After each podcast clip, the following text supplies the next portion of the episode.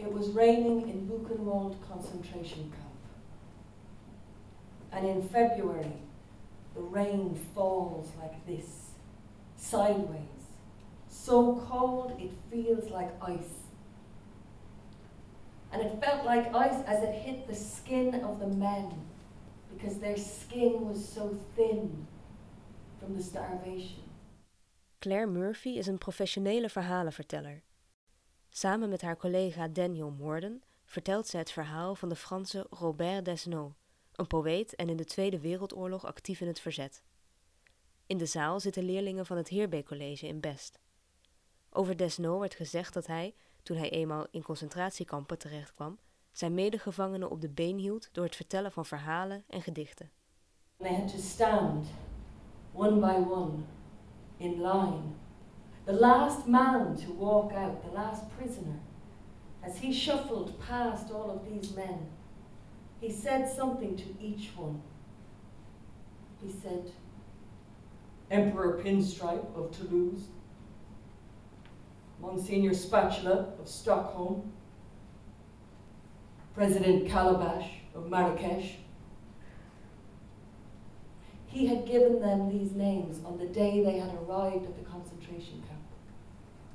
On the day their own names were taken away and numbers were tattooed on their arms. De man die zijn medegevangenen namen heeft gegeven is de Franse Desno. In het verhaal van Claire en Daniel heet hij Lord Parmesan of Paris. Because Parmesan starts with P and so does Paris. Die alliteratie maakt dat mensen de namen kunnen onthouden, vertelt Daniel. En het geeft de namen iets poëtisch. And also to give them a kind of poetry. Bovendien, vertelt Claire, dit gebeurde ook werkelijk in de concentratiekampen, dat men elkaar een andere naam gaf. Om toch aan je menselijkheid vast te houden. And behind the horse there is a carriage. Do you know, um, what's the word in Dutch for carriage? I hope it is. I hope you didn't say something entirely different. Tijdens de vertelling is er een hoop interactie tussen met name Daniel en de leerlingen. Well, storytelling is an art form that involves participation from the audience. Dat hoort er nu eenmaal bij, vindt hij. Bovendien houdt het de aandacht van het publiek vast. Making them uh, listen in a different way because they know that they're going to have to participate themselves. Het verhaal over de Franse poëet is bedoeld voor 14-plussers en met name ook voor volwassenen. Is het niet vreemd om een verhaal aan volwassen mensen te vertellen? Vraag ik Claire. Well, that's what I do mostly actually, is tell stories to adults. Sterker nog, dat is wat ik het meest doe, zegt ze. De mens hunkert van nature naar verhalen. Men zegt dat we elkaar al honderdduizend jaar verhalen They vertellen. say we've been telling stories for 100,000 years. So it's part of our way of being in the world. Nou, we zijn even buiten gaan zitten. Even napraten met de leerlingen. En jij bent Hilde. Ja, Hoe vond je het? Ik vond het heel erg bijzonder vooral. Waarom?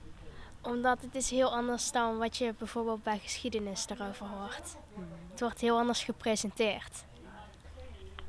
Wat vond jij van de voorstelling, Bas? Ik vond hem eh, vrij indrukwekkend. Eh, interessant ook, omdat het over de oorlog ging. Het interesseert me meestal wel. Het geschiedenis is niet echt eh, dat ik dat heel leuk vind, maar als het over de oorlog gaat, vind ik het wel eh, interessant, zeg maar.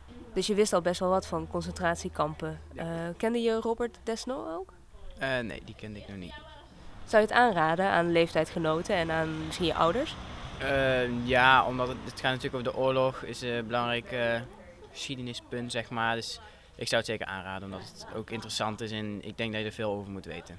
En Carmen, wat vond jij het meest indrukwekkende aan de voorstelling? Ik vond het heel mooi eh, dat ze onszelf interactief ook mee lieten doen. Dus dat je een interactie had met de personen. En dat je daar zelf mee kon doen, zodat je ja, ook niet snel afgeleid was van het verhaal. Dus je luisterde echt goed mee. Jano, de voorstelling was in het Engels natuurlijk. Kun je dat wel gewoon goed volgen dan? Ja, het was wel goed te volgen. En eh, ze legden ook voor, net voor de show legden ze ook al gewoon een paar dingen uit van eh, wat woorden betekenen en zo. En eh, ook met de handgebaren was dat wel eh, goed te doen. Hands up if you know what the word sneer means. It's to look at someone and smile in a cruel way. So this is a sneer.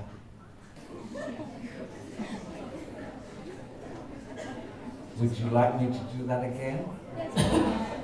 Ever? Yes. You would? Okay. Well, happy to oblige.